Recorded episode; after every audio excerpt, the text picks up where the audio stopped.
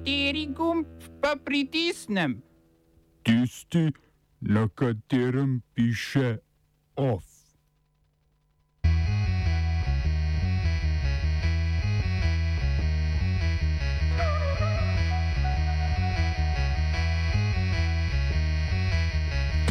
Greenpeace v Avstraliji na zatožno klop zaradi okoljevarstvene akcije. Kanadski premijer Justin Trudeau obljubil pomoč svojcem in žrtvam ob odkritju grobišča indijanskih otrok. Vse države članice Evropske unije potrdile mehanizem skupnega dolga.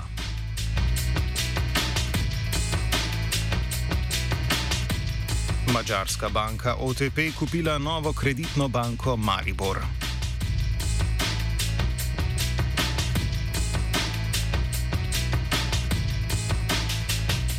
Jo.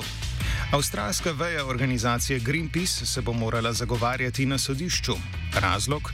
V svoji okoljevarstveni akciji so uporabili simbole enega največjih avstralskih energetskih podjetij Australian Gaslight Company Limited, krajše AGL, ki zagotavlja tretjino električne energije za avstralska gospodinstva.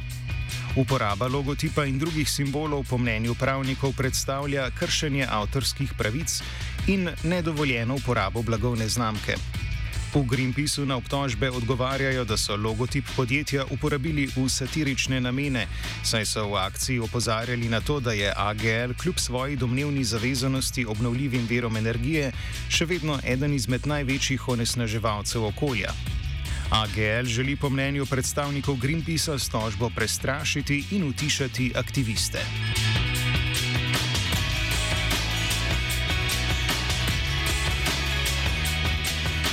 Kanadski premijer Justin Trudeau je po odkritju grobišča več kot 200 otrok indijancev na zemljišču bivšega internata v pokrajini Britanska Kolumbija izjavil, da bo takih odkritij še več in obljubil pomoč svojcem in žrtvam. Internati so v 19. in 20. stoletju služili kot prostor, kjer so otroke, ki so bili prisilno odpeljani iz plemenskih skupnosti, skušali asimilirati v širšo skupnost z zatiranjem plemenskih tradicij in obvezno rabo evropskih jezikov. Otroke so zaposleni tudi pokristjanili in jim usilili navade ter vrednote, ki so jih imeli za kanadske. Poleg tega so bili otroci podvrženi tudi spolnemu in fizičnemu nasilju. Kanadska vladna komisija za obravnavo vprašanja zločinov nad Indijanci je pred šestimi leti ocenila, da je v internatih umrlo vsaj 3200 otrok ali približno 2 odstotka od vseh, ki so bili tja pripeljani.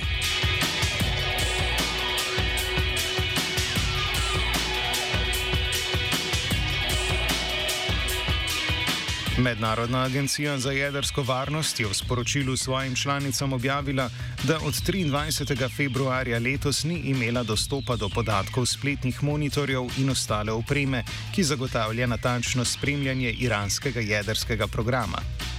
Zaradi teh omejitev lahko agencija zgolj ocenjuje iranske zaloge jedrskega materijala.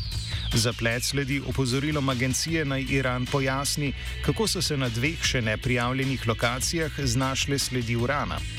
Vsi zapleti pri preverjanju iranskih jedrskih zmogljivosti se dogajajo v ozadju pogovorov na Dunaju, kjer se Združene države Amerike in Iran dogovarjajo o ponovnem pristopu ZDA k jedrskemu sporazumu, od katerega so ZDA enostransko odstopile leta 2017.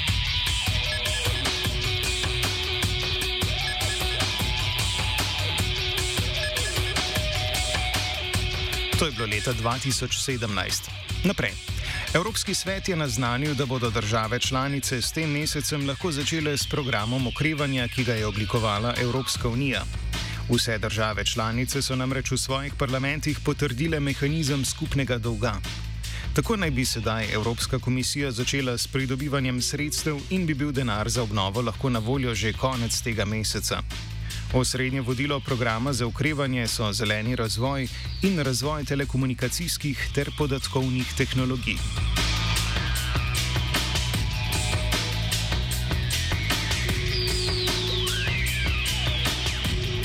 Vatikan je pod vodstvom papeža Frančiška izdal revizijo crkvenega prava, ki upeljuje ostrejše kazni za duhovnike, ki zlorabljajo mladoletne osebe in ranljive odrasle, se finančno okoristijo z goljofijo ter posvečujejo ženske.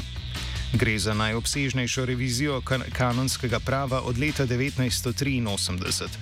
Tokratna revizija je trajala od leta 2009.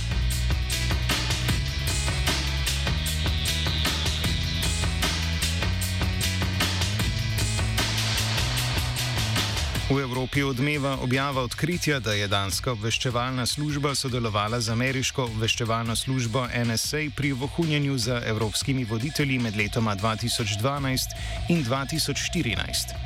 Trenutna danska obramna ministrica Trine Bramsen je nemški kanclerki Angeli Merkel zagotovila, da o vohunjenju ni bila obveščena do konca leta 2020. Takrat je država iz danske obveščevalne službe odpustila več visoko postavljenih posameznikov. Več o tem v današnjem offsajdu. Oba, če, če bom odgovoril na angliški. Slovenija will try to help. We can Slovenia will and we will do our utmost To say that the situation is our problem ourselves. and uh, We will make further steps as soon as the conditions are bomo vlado Marjana Cererja, Mira, Marjana Cererja Šarca podprli. uh, very, very serious. we know how and we will.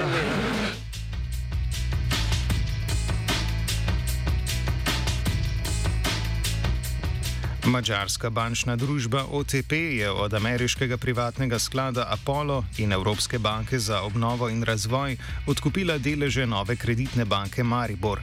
Z nakupom, ki še čaka na zeleno luč regulatorjev, bi OTP obvladovala 29 odstotkov tržišča, kar bi pomenilo, da bi bila OTP največja banka na slovenskem trgu, saj bi po prihodkih za las prehitela NLB. Kupnina še ni znana. OTP vodi drugi najbogatejši mačar, milijarder Sandor Cani, ki je blizu predsedniku Viktorju Orbanu.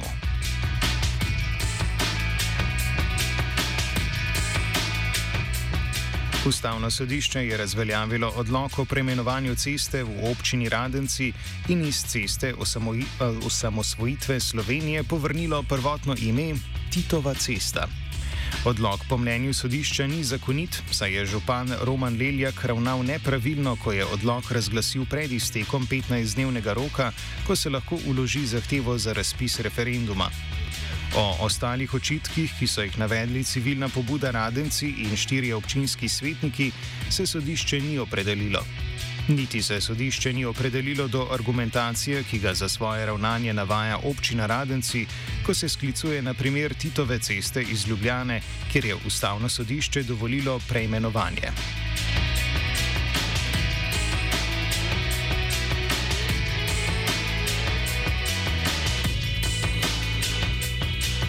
Off je pripravil Dominik.